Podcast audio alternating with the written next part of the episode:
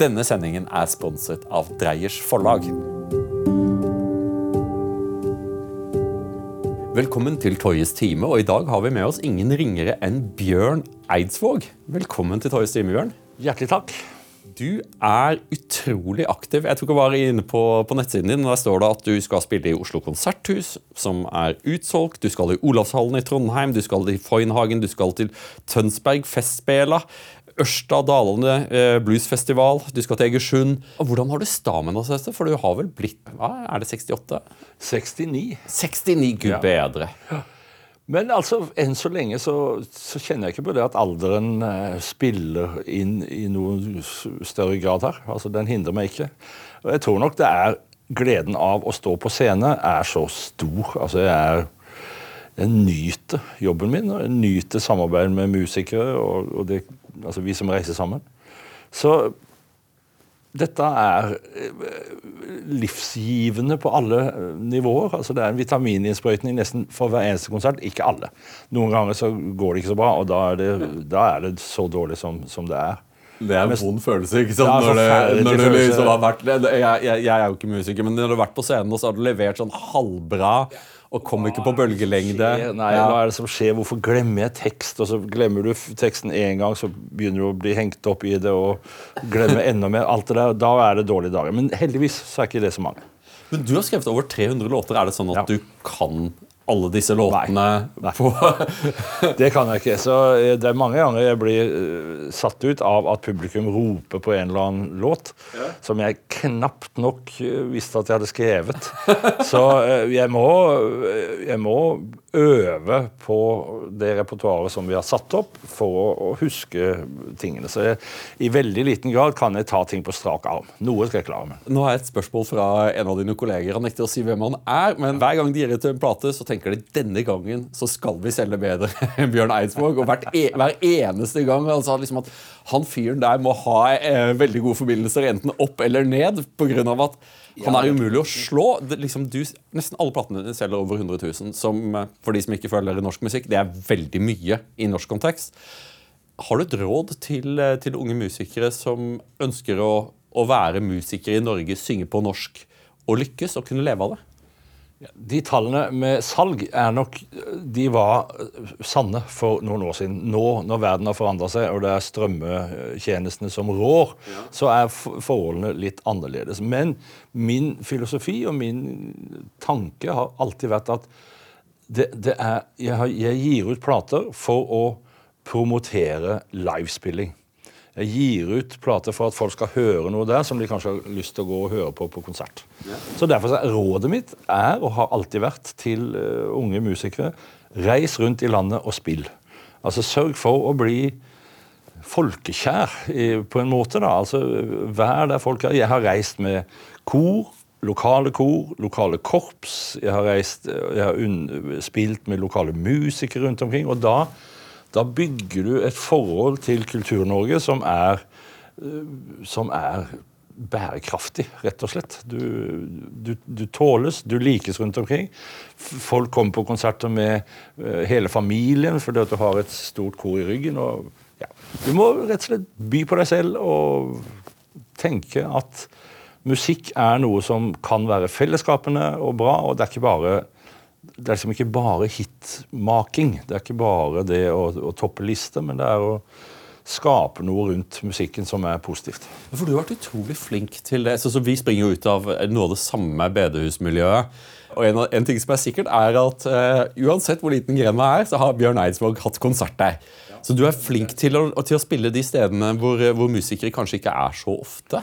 Ja, og Heldigvis så er det da sånn at jeg kan gjøre det fordi at jeg kan stille alene med en gitar. Eh, Så da er det ikke så store utgifter uh, forbundet med det. Men, men det òg har vært en bevisst strategi. Jeg har rett og slett lyst til å spille i hele dette landet, og, og det har jeg ennå. Vi holder på med ulike varianter. Vi spiller i, i Konserthuset, i, Operaen, i Olavshallen, Grieghallen og sånne ting. Men vi spiller også på små scener med en litt annen besetning, som da ikke er så ruvende og så dyr.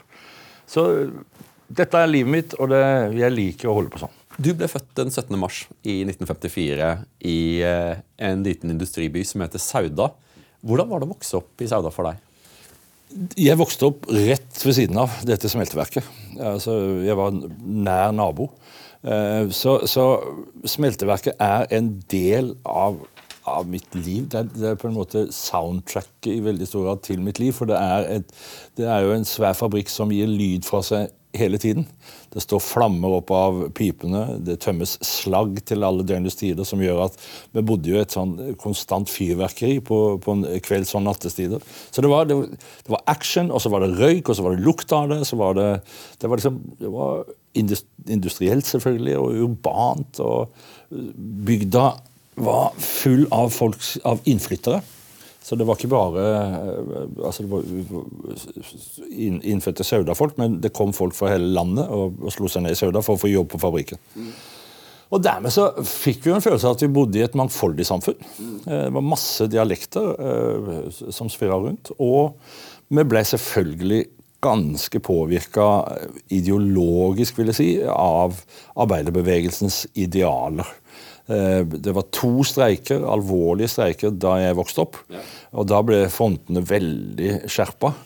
Eh, og flertallet av mine kamerater Min far var baker, som var liksom ikke han var ikke eh, tilhørte ikke arbeiderklassen på den måten. Han hadde ingenting med, med, bedriften å gjøre. Jeg må bare få skyte inn der. Jeg synes at, at din fars slagord det, jeg, jeg, tok også, jeg gikk gjennom det var Nasjonalbiblioteket, så fant jeg en reklame for bakeriet. Okay. Og der står det Alltid godt brød. Ikke noe utropstegn, ikke noe punktum. Alltid godt brød. Det høres ut som far. Og det er helt sant. Han hadde alltid godt brød. Han hadde en yrkesstolthet som, var, som jeg har lært mye av. Altså, han, eh, han, han juksa ikke med kvalitet et øyeblikk. Så, så men, men dette, altså alle mine kamerater, flesteparten av mine kamerater var fra arbeiderklassen. altså Bodde i Åbebyen, som det heter. Den, det boligfeltet som er nærmest fabrikken, og som er mest utsatt for forurensning, og som er der det er minst uh, leiligheter. Altså Sauda er jo et, et, altså et ordentlig klassedelt samfunn. De, de, de, arbeiderne bor nærmest fabrikken, og så går det slakt oppover i dalen og jo høyere opp du kommer, jo, jo rik, eller jo mer mektige folk bor der. Funksjonærer og direktører. Ja. Der, og Det manifesterte seg liksom i skillet mellom Sauda klubb, hvor funksjonærene gikk, og Folkets hus, ja. hvor arbeiderne gikk. ikke sant? Ja. Og, og, og, og, de fikk jo heller ikke lov til å gå til hverandre. Altså, Folkets hus eh, sine barn, da, eh, de gikk ikke på klubben. Og klubbens barn fikk vel nesten ikke lov til å gå på Folkets hus. Så, så, det var et veldig skille mellom de to. Liksom, frontene var, var, steile inntil eh, inntil rockemusikken kom. altså inntil, inntil, den der ungdomsrevolusjonen som kom med Beatles og, og Stones og, og, Bob Dylan og alt sånne ting. For da ble for oss unge musikken viktigere enn de der ideologiske eh, grensene. da. Så da kunne Eh, en direktørsønn spille i band med en arbeiderklasse, altså arbeidersønn, og spille på Folkets. Hva slags musikk var det du hørte på? Hva var, den, hva var den første rockeplata du fikk som du hørte mye på? Det, det, første var Beatles. Det var Beatles, ja? Ja, det var, det var Please, Please Me. Altså det, det jeg, jeg, hadde en onkel som var fra Liverpool, Eh, og som var kamerat med eh, roadien til Beatles. Så min tante har opplevd at eh, Paul McCartney og John Lenn har vært på døra hennes og spurt etter denne, denne mannen. da. Eh, Malcolm het han. Så, så, det var Jeg, jeg kjente meg jo, altså, det var jo Jeg var så nært Beatles som det gikk an. Ja. Så, så, jeg var av den grunn også da, selvfølgelig eh, blodfan. Men det er en veldig sånn positiv livsbejaende form for eh, rock. Jeg blir jo, jeg blir jo rørt når jeg hører på Beatles nå, pga. at det er så positivt. Eh, selv det mørke har alltid noe lys i seg. Ja, men det, det liker jeg at du sier, for jeg har akkurat samme følelsen. Det er, det er liksom, det er, tenk på så unge de var. Tenk på så mye energi de hadde. Jeg ser masse gamle klipp nå som dukker opp på Instagram og rundt omkring. Og, det er jo morsomt, og det, er, det spruter av energi og glede i det de holdt på med. Så dette var inspirasjon for oss unge i Sauda, og vi laga band. Og vi spilte på talentkonkurranse på Folkets hus og på ungdomsklubben på Folkets hus. Jeg var i en skvis fordi at mor og far tilhørte et lavkirkelig miljø, altså Betel. Mm. Der var det ikke populært at det gikk på Folkets hus. Og det var ikke det? Nei, det var, altså, de, de var skeptiske til det. Det var, var noe med at å både digge Beatles og Jesus, det så noen som øh, vanskelig.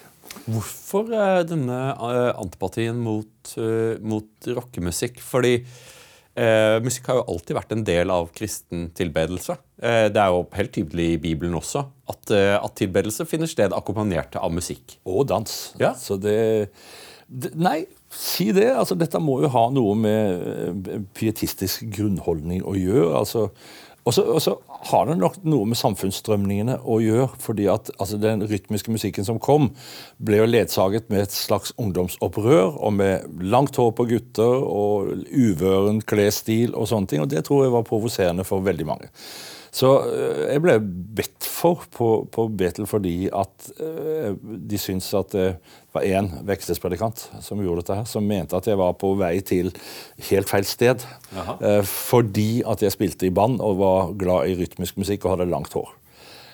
Men det var ikke bare Betel som hadde denne innstillingen, det hadde også lærerne på, på skolen. Så hele samfunnet var jo engstelige for dette her når man så på, når en så på TV hva som skjedde rundt omkring med ungdomsopprøret i Paris og, og, USA og sånne ting. Så det var nok en, en redsel. Ting var voldsomt i forandring, og det var utfordrende for foreldregenerasjonen å se på. og De visste ikke hvordan de skulle ta det. For å vende tilbake til Sauda, så må folk forstå at eh, Sauda blir bygget opp fra, fra, fra 1900-tallet. Eh, opplever okkupasjonen, men også veldig mye investeringer eh, under, under, okkupasjonen. Det, det, det, er et sted som vokser, får veldig tilsig av mennesker. Eh, også på 1950-tallet så er det åsted for en veldig sånn opprivende strid mellom Arbeiderpartiet og kommunistene om, om kontroll over fagforeningen på, på, på, smelteverket. Det er vel det året du blir født. Det er vel siste året kommunistene kontrollerer fagforeningen. Og så er det jo en krigsgenerasjon som eh, Jeg husker bestefaren min, som var ganske konservativ, ganske streng. Var veldig nøye. Det skulle være på visse måter. Nå for tiden så leser Trygve Gundersen sin bok om, om Hans Nissen Hauge. Og det syns jeg er utrolig spennende lesning. Ikke minst fordi at jeg syns jeg ser min egen historie og det jeg kommer fra, i et, et annerledes lys. da. Og da, Der pekes det på at dette er jo fellesstrømninger i samfunnet.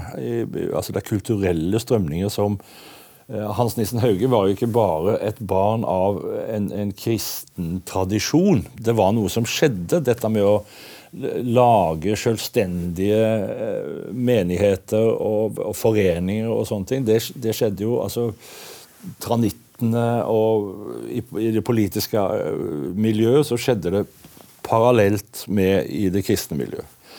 Så jeg tror at dette er kulturelle stemninger, eller strømninger i, i samfunnet som bare får litt får en ekstra touch av noe Det blir litt mer alvorlig i kristen sammenheng. For da knyttes det til, sånn som i det tilfellet jeg nevnte, så knyttes det jo til fortapelse eller, eller ikke. da. Altså, det blir jo veldig alvorlig og veldig det, personlig. Det blir veldig fort. alvorlig, og det, og det, er det som jeg har Det var det som jeg reagerte på da når jeg begynte å bli litt bevisst som, som ungdom, at dette, dette stemmer ikke. altså de kan ikke true eh, oss unge med, med helvete eller fortapelse fordi at vi liker sånn og sånn musikk eller klær og sånn og sånn.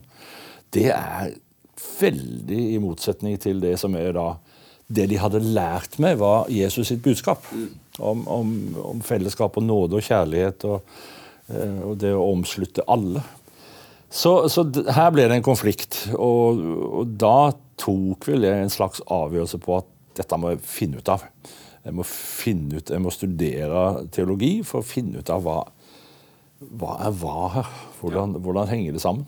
Ja, for Du eh, dro videre til Menighetsfakultetet og, eh, og, studerte der, og ble også ordinert som prest. Da Vårt Land anmeldte din bok, som kom ut i 2019, biografien 'Tro og trass min vei, mine valg', så skriver Vårt Land hans alternative kristendomsforståelse strider med det som praktisk talt hele den kristne kirken har stått for og står for.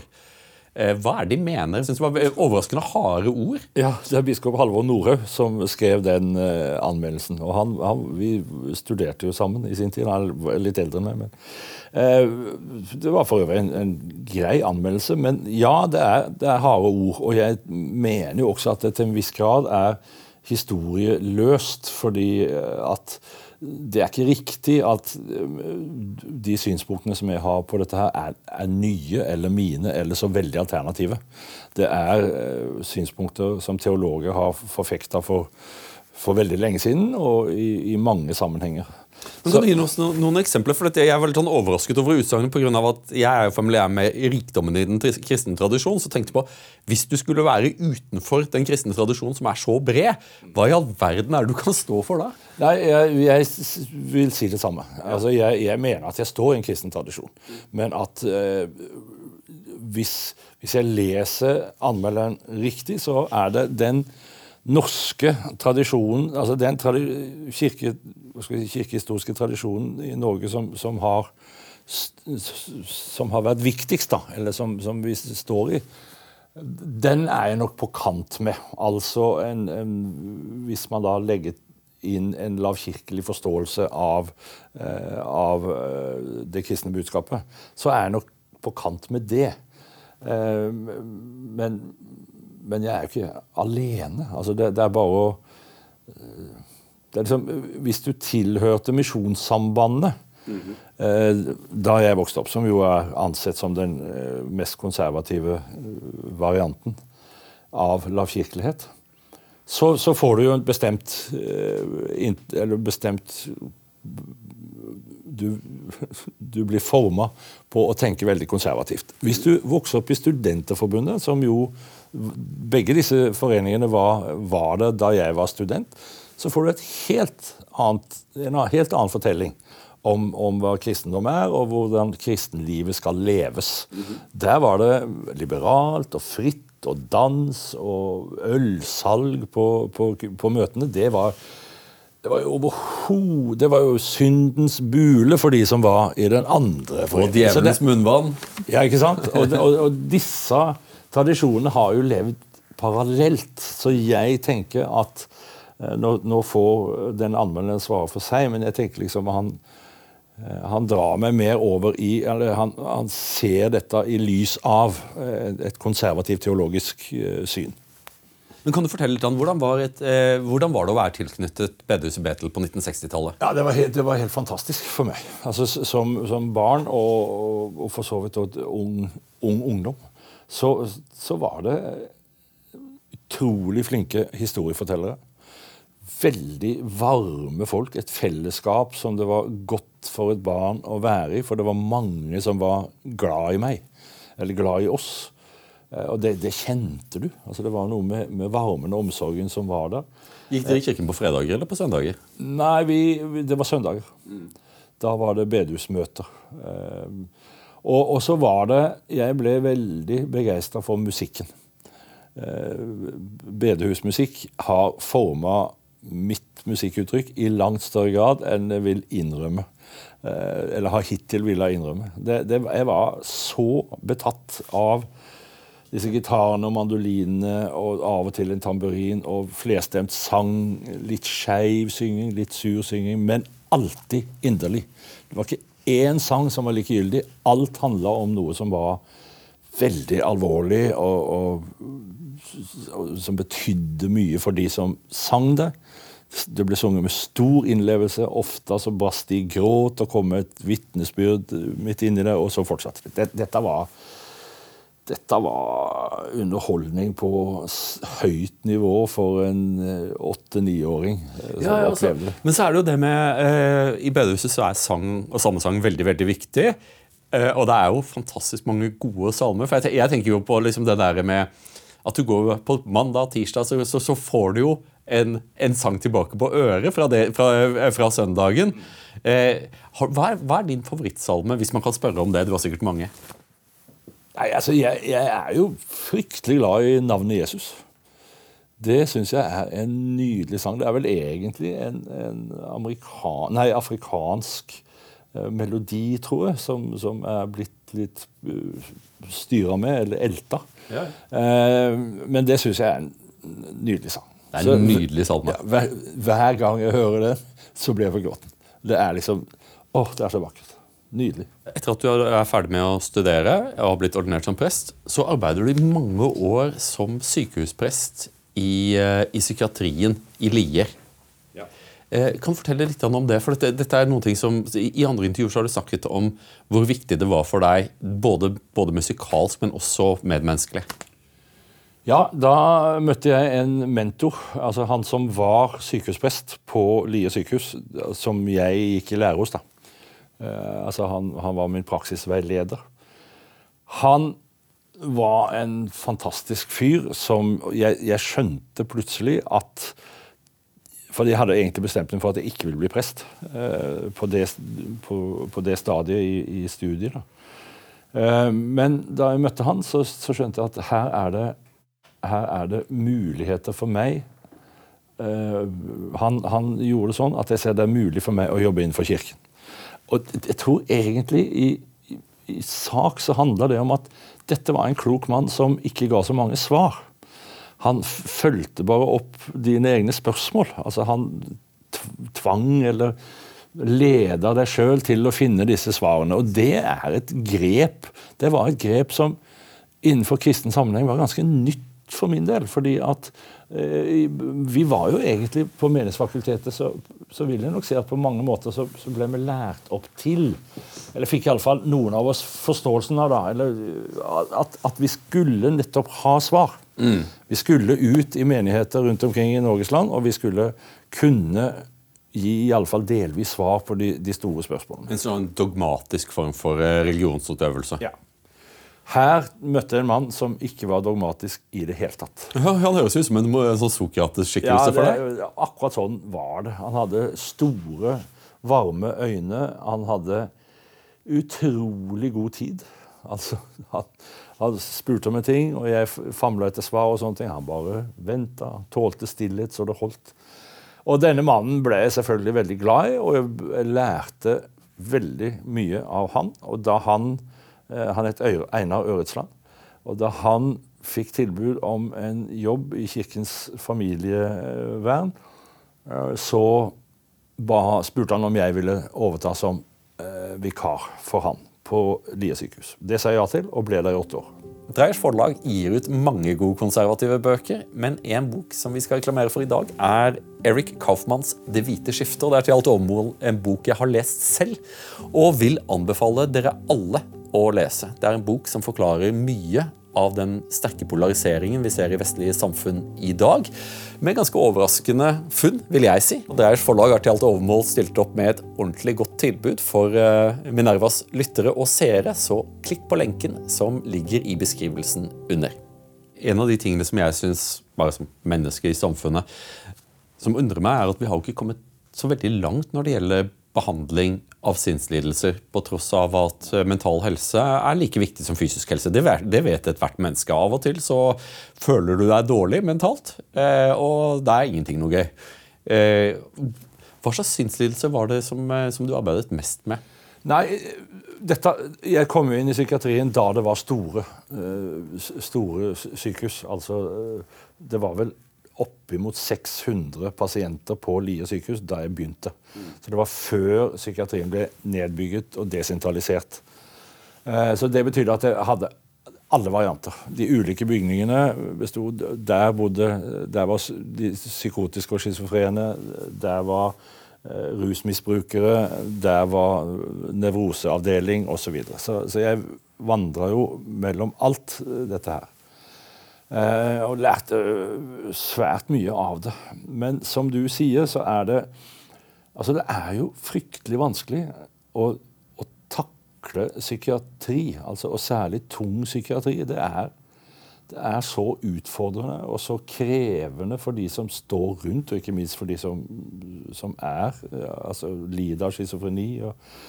Så dette er det, det er simpelthen ekstremt komplisert felt å skulle gjøre noe med. Men vi er selvfølgelig forplikta til å gjøre noe med. og jeg, veit ikke. Jeg bare er lei meg hver gang jeg syns jeg ser at psykiatrien blir taperen eh, i, i Helse-Norge.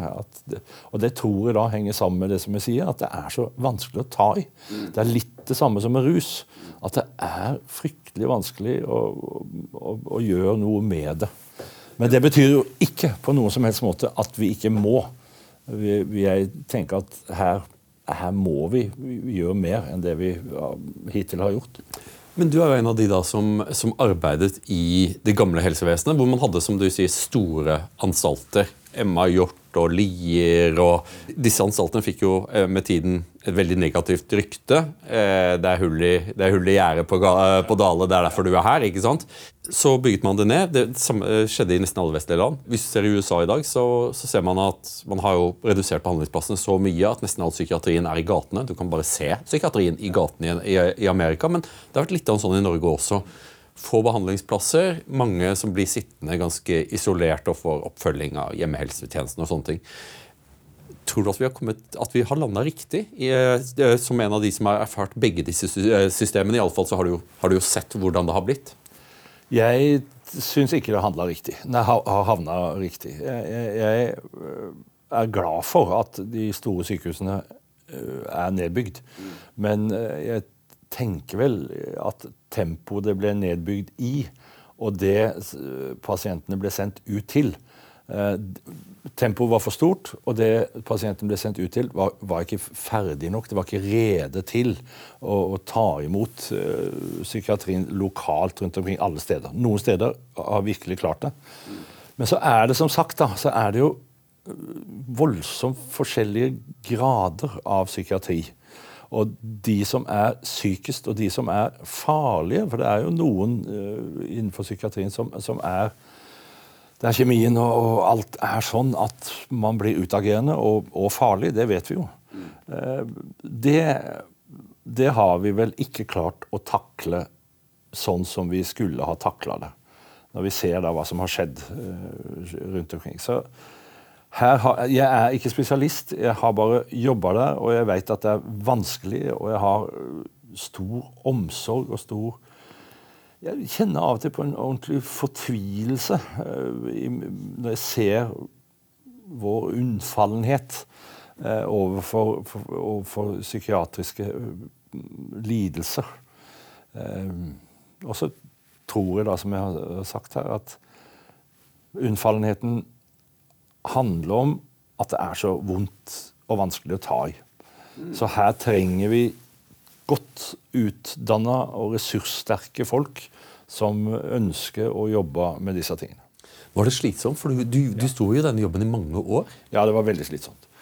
Eh, jeg tror det er Carl Gustav Jung som har sagt at den mest smittsomme, eh, mest smittsomme sykdom eh, du kan ha, er depresjon.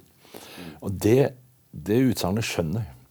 Hvis du går sammen med deprimerte og, og, folk som har angst i lang tid, så er det smittsomt. Altså, da, er, da blir livet litt sånn. Det var selvfølgelig en, eh, et formål i mitt liv å legge jobben fra meg da jeg kom hjem. Ja. Men det er, i disse tilfellene her så er det fryktelig vanskelig. Fordi at du du har kommet så nær folk, og som har, som har fortalt om livet sitt, og som er så tragiske skjebner at det er Det er ikke som å lese en bok som du bare kan lukke og, og, og vite at dette er fiksjon. Det er et medmenneske som sitter rett ved siden av deg, som du nettopp har holdt rundt, eller som du har tatt i hendene, og som du har hatt nærkontakt med, og som du selvfølgelig da kjenner sterk medfølelse med uansett hvor profesjonell du måtte være, så, så er det uunngåelig å bli engasjert uh, i et menneskes uh, voldsomme lidelser. Ja, så vil vi jo gjerne uh, at det skal være med, med psyken slik det er med kroppen. At du trenger penicillin, ta disse, og så, du, så, føler du deg bedre i morgen. Og så føler du deg mye bedre i overmorgen, og så er vi ferdig med denne saken. Hvordan klarte du å, å stå i det? fordi jeg tror veldig mange menn spesielt har et ønske om at en jobb skal, være, skal bli ferdig. Hvor er verktøyet? Eh, og så får vi det gjort, og så er vi ferdig med den saken. liksom. Men psykiatri er jo ikke sånn i det hele tatt. Hvordan klarte du å arbeide med deg selv for å kunne stå i det? For enkelte pasienter må du ha hatt over lang tid. Ja. Eh, jeg gikk i fast veiledning. Jeg gikk i egenterapi. Eh, og, og helt regulær veiledning. Vi var en gjeng på fem mann som møttes en gang hver 14. dag, tror jeg. Det var i begynnelsen, og så ble det en gang i måneden. Eh, hvor vi da gikk gjennom vanskelige case som vi var oppe i, altså saksområder og ting vi sto i. Og fikk bearbeida våre egne følelser. Det, det, gjorde vi med hverandre, eller for hverandre. Og det, det, er, det var jeg helt avhengig av. Hvis ikke så, så, hadde ikke dette gått, tror jeg. Og det, eh, det Den veiledningsgruppa som vi var, vi holder fortsatt sammen. Gjør dere det? Ja, så Jeg skal til Verona nå om to uker. og der skal vi ha et, et veiledningsseminar hvor vi da fortsatt snakker om disse temaene. og noen av oss har begynt å skrive litt, og vi, vi, vi lufter ting for hverandre. Og, og, går hverandre på klingen på hvordan vi har det, og hvor, hvor vi er i verden. Det er veldig veldig viktig for et menneske å ha noen du snakker med. Ja. Også om det som kanskje ikke er så greit i livet. Men jeg tror det er mange som føler et sånt press om å være vellykkede. Og, og liksom det er Facebook og det er Twitter, og liksom å, å, få et, å projisere et bilde av seg selv. Men så, så Du vokste jo opp i, i, Sauda, springer ut av bedehusmiljøet. Ja. Hvordan var det å komme til Oslo? Nei, det var, For meg var det fantastisk. Altså, jeg var, jeg var så klar for, for, Oslo. Jeg var så klar for, for nye impulser. Alle, De fleste som, som, skulle studere i Sauda, de dro til Bergen. Så alle mine klassekamerater som, som skulle videre og studere, de dro til Bergen. Og jeg var vel Jeg tror nesten at det var den eneste som, som dro til Oslo. Og det òg syns jeg var ganske deilig. Altså, fordi at det var noe med at behovet mitt for et skifte, for et, for et nytt miljø for andre utfordringer, det var, det var veldig sterkt uh, på, på, slutten av min tid i Sauda. Og det, dette må på ingen som helst måte leses som at uh, Sauda ikke var et bra sted for meg, for det var det. Altså, jeg fikk Eh, utfoldelsesmuligheter som eh, få forunt der inne. Og jeg ble heia på og klappa for. og eh, ja, Så, jeg, hadde det helt supert. Men det var noe Mentalt sett så var jeg på en måte klar for noe nytt. Veldig klar for noe nytt. og, og de utfordrende jeg så for meg studiemiljøet i Oslo kunne gi meg, var noe ordentlig lengta etter. Altså Intellektuelle utfordringer, eh, lese andre bøker, få andre impulser. Kulturmulighetene som er altså Oslo er tross alt hovedstaden vår. da. Så, så jeg tenkte liksom, bare å komme dit. Og jeg drev jo på med musikk. Ja, ja. Og jeg tenkte at der er de beste musikerne.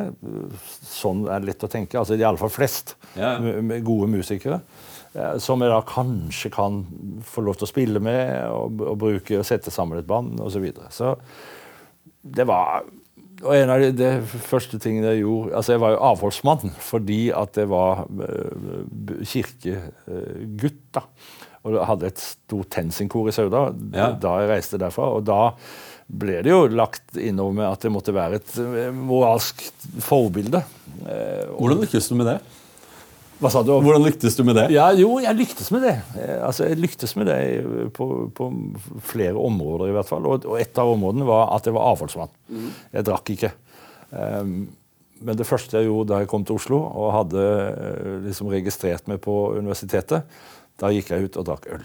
Så du kom til dette det, det norske Babylon, ja. og det første du gjorde, var å kjøpe deg en pilsner? Og jeg var altså verdens lykkeligste gutt. Jeg tror det ble tre. jeg.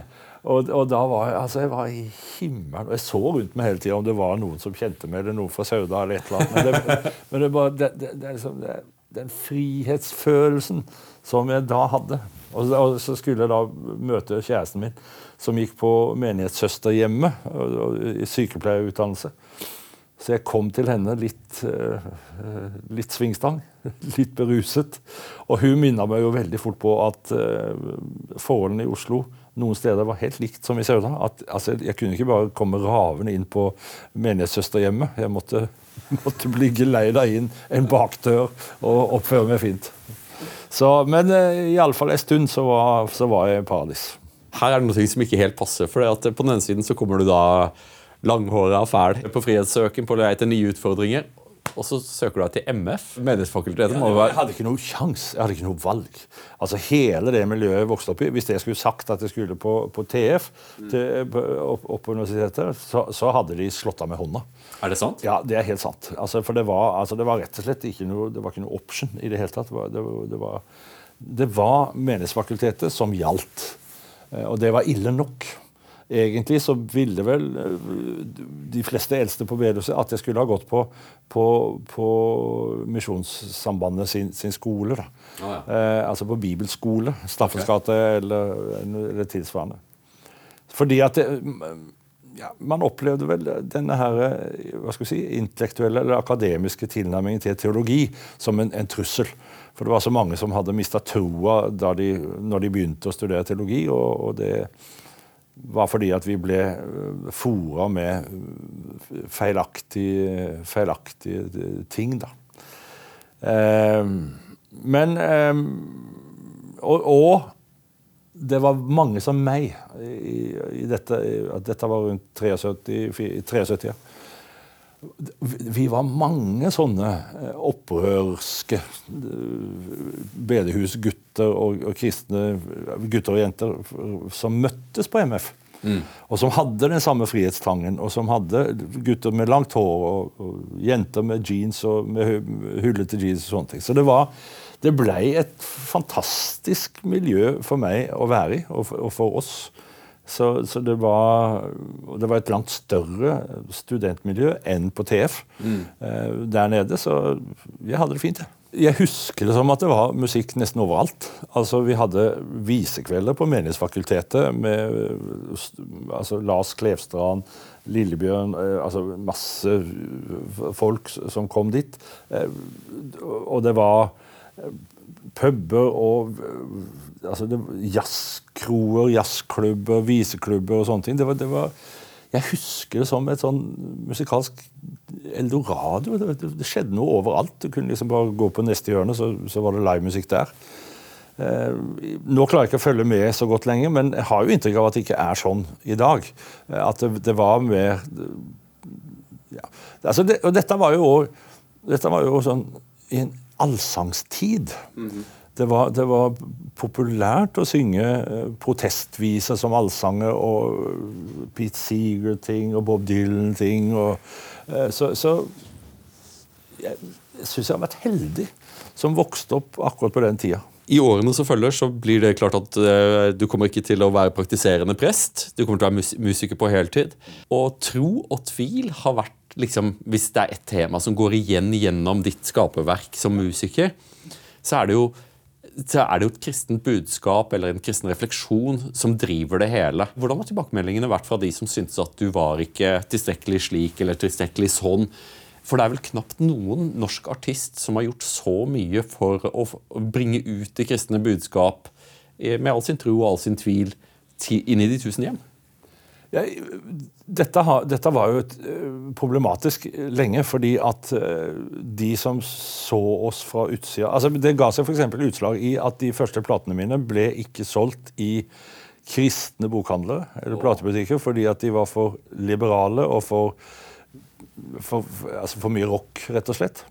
Og de sekulære platebutikkene, helt vanlige platebutikkene var skeptiske fordi at de var, de var, kristne. Så Jeg ga ut platene på den tida på Kirkelig kulturverksted.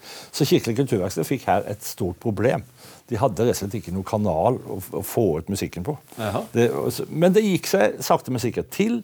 Um, I dag er det ikke noe problem i det hele tatt. Altså, i dag er jo bare, Jeg har prøvd tid, til tider å nedtone dette tro og tvil, disse to og tvil-sangene mine og liksom bare gå for, for, for, for, helt vanlige ting, da, for å si det sånn. For, det, for jeg tenkte, jeg, vil, jeg fikk jo stempelet som rockeprest, ja, ja. og det var, det syns jeg var grusomt. Det, ja, det, det slapp du jo ikke fra heller. Det var, det var som om det skulle vært fornavnet ditt en stund. Ja, og det, jeg gjorde hva jeg kunne for å riste med det. I, altså, så lenge holdt jeg på med det inntil jeg skjønte at det der ble jeg ikke kvitt. Så det er bare å omfavne. Ja. Da får jeg bare bruke det, og, og folk får kalle meg hva de vil. Og nå i dag er det jo ingen som kaller meg det lenger, så nå, nå har det gått over.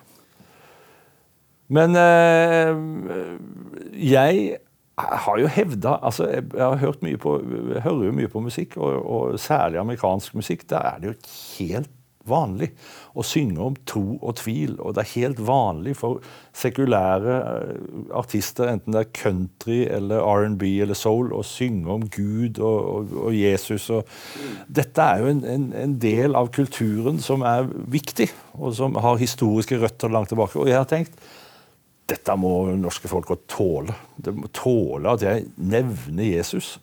Eh, for det, det, er en kul fyr. Bra, bra fyr som, det, som, mange har et forhold til, og som det er verdt å lytte til. Og, ja. Så jeg har stått på den retten, og så har det, syns jeg vel i dag at det er akseptert.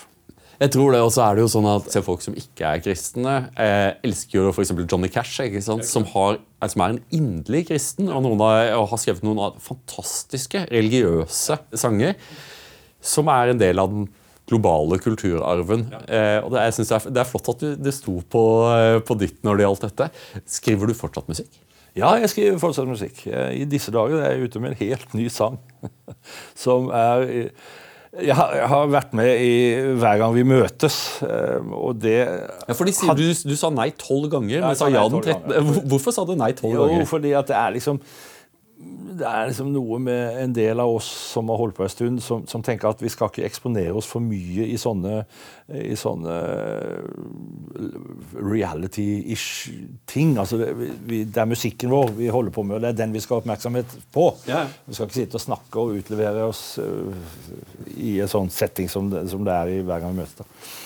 Uh, men, men, så fant jeg ut at jeg, jeg, har, altså, jeg har lyst til å holde på en stund til med dette her som jeg, som jeg, gjør. Jeg har lyst til å skrive sanger, jeg har lyst til å reise rundt og spille. Helsa holder, og jeg er i form. Eh, men da tror jeg jeg må ha med en yngre generasjon. Ja. Og det er, Jeg har mista selvfølgelig en, det, det, har vokst opp mange eh, etter at jeg ga ut 'Skyfri himmel' og 'Mysteriet deg' og 'Jeg ser' og alt sånt som, som, ikke, som ikke har et forhold til den musikken. Så derfor ble jeg med, og jeg fikk, ble veldig inspirert av de unge jeg var sammen med, og fikk kontakt med Emma Steinbakken har gjort en versjon av min sang 'Floden', mm. som jeg syns er veldig tøff og veldig fresh og veldig bra. Så jeg har samarbeida med hennes eh, produsent. Ute med en ny sang som er, har et nytt, et, et nytt om yngre sound, for å si det sånn. Denne sendingen er sponset av Dreyers Forlag. Dreyers forlag har gitt ut boken 'Vesten mot Vesten', som er skrevet av Rune Lykkeberg. Og jeg hadde muligheten til å diskutere nettopp denne boken med Rune i Danmark for et par måneder siden, og jeg ble nødt til å lese den. Og jeg vil ikke nøle med å anbefale alle dere å lese denne boken, som forklarer mye av brytningen innad i Vesten, men også mellom Vesten og resten. Og de som klikker på lenken i beskrivelsen under, vil få et riktig hyggelig tilbud fra Dreyers på denne boken. Så det sier du i et intervju at, at du innså at hvis dine sanger skal leve videre, så må andre artister på et eller annet tidspunkt begynne å spille, å spille dem pga. at du kommer ikke til å leve for alltid. Og at du så den muligheten til å, til å lytte til en annen generasjon som spiller dine låter. Og, og det å lære å spille deres låter så naturligvis også. Mm. Nei, det, var, det er helt strålende. Altså, jeg ble inspirert av det. Jeg syntes det var gøy, og, og jeg skjønner jo plutselig i, dette burde jeg skjønt for lengst, og kanskje har jeg skjønt det òg, men liksom, allikevel har det ikke gått opp for meg. og det at det fins mange måter å tolke dette her på. Det fins mange musikalske uttrykk som, som kan forsterke ting i mine, mine låter. Som, altså, vår måte å jobbe på, den måten jeg jobber med mine musikere på, er liksom Vi, vi spiller veldig analogt. Vi, spiller, vi, vi, bruker ikke så mye programmering, eh, digitale verktøy. Vi vi spiller. Så god gammeldags spilling, som om det skulle være en konsert. Men så ser jeg jo da at denne teknologien som de unge benytter seg av, gir jo fantastiske muligheter. Både lydbildemessig og liksom hvordan en, en låt skal tre fram. Da. Og, og, det språket som de unge har i dag, det er så enerverende av og til. Altså Det musikalske språket det, det syns jeg er veldig enerverende og, på mange måter. Men setter jeg meg ned og hører på det, og liksom går inn i det, så tenker jeg at her er det mye tøft allikevel. Og det er ingen grunn for meg til å sitte på min høye hest og si at sånn som vi gjør det eller gjorde det, er det riktige. Ting Altså, populærmusikk er ferskvare. Eh, så det Skal du være med der, så må du henge på. Unge mennesker skriver jo veldig ofte på engelsk. Jeg får litt sånn vondt at jeg har bodd i England mange år. Eh, for det første, Nordmenn er ikke så gode i engelsk som det vi tror. Det er ikke morsmålet vårt. Jeg har en amerikansk svigersønn, så jeg støtter deg i det. Ja. Og så er det jo det at eh, når du synger eller snakker på ditt eget morsmål, så har du tilgang til en del eh, av den kollektive forståelsen. Og du har alltid vært veldig god på det. Bruke det norske språket med sine konnotasjoner, klangen av ord, på en sånn måte som gir fylde, eh, og som, som, også gir eierskap. Jeg kommer fra en familie hvor jeg har søstre som sannsynligvis kunne synge flere av dine sanger enn det du klarer å huske i øyeblikket. Så du, var, du, har alltid beveget deg i et sånn veldig interessant eh, brakkvann, der det synes å kunne appellere til veldig mange ulike grupper, og det er jo fantastisk. Ja, jeg er svært takknemlig for den karrieren jeg har hatt, og jeg er glad for de valgene jeg har tatt. Også det der med å synge på norsk. Mm. Eh, tilbake til et spørsmål du stilte tidligere. og det er liksom, Har du noe råd til unge som vil Eh, som vil nå ut i landet. Og er, det er jo et innlysende råd. Altså, bruk språket ditt, det, det som du er best i. Og, og, og, gå inn i det språket, og lag de konnotasjonene som, som altså, ja. Utforsk norsk. Gjør det kult. Jeg syns jo, jo, det Karpe holder på med nå, er og, og, ganske mange i den eh, generasjonen der, og i det miljøet rundt de, det der med å kombinere eh, arabisk, indisk, norsk, engelsk Altså lage sånn der språkmangfold, det syns jeg er veldig spennende og veldig gøy. Så det lurer jeg på, eller det gleder jeg meg til å se utviklingen av. Jeg er helt enig med deg. Eh, for, for, språket vil alltid være i utvikling. Av og til så er det jo slik at enkelte begreper vil bare være populært et tiår, og så forsvinner det uten å lage et plask. Eh, og andre deler vil være med oss. Året er 2023. Eh, du har en ny låt ute. Hva er det vi kan vente fra deg fremover nå? 69 år gammel. Skal du ikke pensjonere deg? det, går litt sånn der litt, litt, litt rykk gjennom hver gang noen sier 69 år gammel. Det, det, det er veldig rart å høre. altså Bare vent.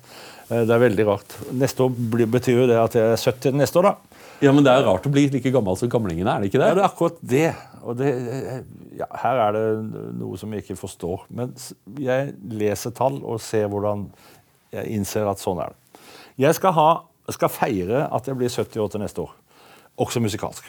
Og Da har jeg bestemt meg for at jeg tror jeg skal ta fatt i noen av mine gamle låter og pusse de opp. Eh, og se om jeg kan få gjort noe med de sammen med eh, yngre produsenter. Sammen med litt unge folk. Og se om de unge folka kan tenne på og være med meg og, og få dette.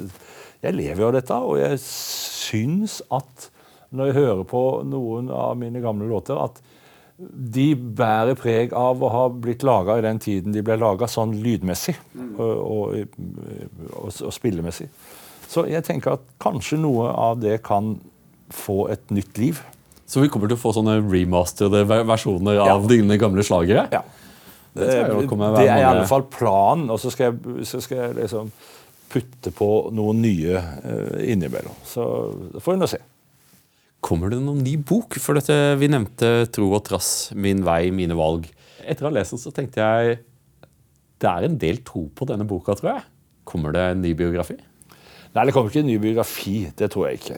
Jeg har liksom innsett at biografier de bør skrives av andre når du er død. Altså det, det er noe med ikke gjøre det sjøl. Mitt prosjekt med Tro og trass var det, er jo laget, Jeg skrev en biografi fra før øh, om, om, meg, da, og så hadde jeg så lyst til at jeg rett og slett lyst til å lage en trosbiografi. Mm. Så Det var prosjektet med Tro og trass. At jeg hadde lyst til å bruke livet mitt for å fortelle hvordan troen har utvikla seg. Hvordan gudsbildet mitt har utvikla seg, og, og, mitt forhold til, øh, altså til kristendom. Da. Så Det var prosjektet. Det, det er jeg vel for så vidt ikke helt ferdig med, selv om jeg kjenner at nå Jeg har ikke samme iveren på det lenger, men, men det kan jeg jo få igjen. Men jeg har veldig lyst til å skrive mer, for jeg syns det var gøy. Og jeg syns det var veldig lærerikt. Jeg hadde to fantastiske redaktører eh, i Aschehoug. som jeg har lært så mye av. Og, og, og jeg elsker sånne situasjoner hvor jeg blir hvor folk tar meg litt i hånda og sier du, formuler deg mer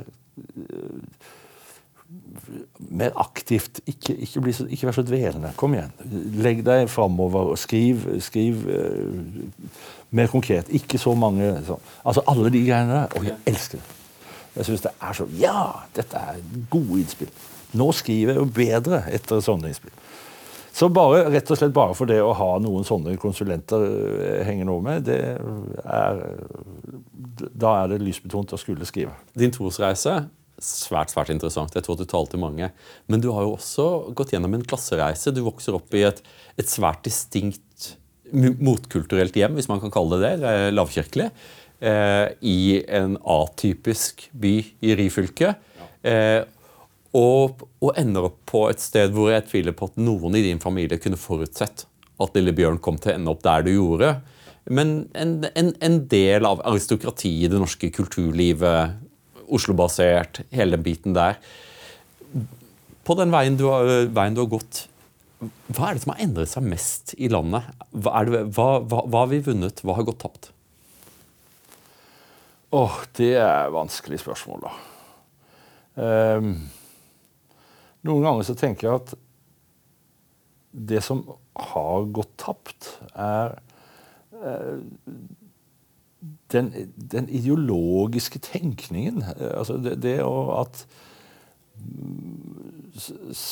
verdier, standpunkter som, som, vi har, at det er liksom ideologisk befesta. Det, det, det, kommer ut ifra et verdisett som vi har satt oss inn i, og som vi står for, som, som har prega oss. Altså, jeg, er jo ikke så glad for relativismen som altså at alt skal være eh, like verdifullt. Det er vel noe som Det er sikkert gammelmannsting, men det er noe som jeg tenker jeg har gått tapt. Og så er jeg på samme måte veldig glad for at, at det har gått Om det ikke tapt, altså at det har havna litt i skyggen. For jeg, jeg syns vel at i min oppvekst så var veldig mye av konflikter som, som raste, eh, ikke minst i Sørlandssamfunnet, var, var, ideologibasert. At man, man så ikke hverandre pga. ideologien. Mm. Uh, og det Jeg, da, som var plassert utenfor uh, den konflikten, i og med at far var baker mm. og handelsmann, eller handelsdrivende, så så jo det at det, man, man sto fast sine, på sine ideologiske, i sine ideologiske grøfter. Og, og klarte ikke å møtes pga. det.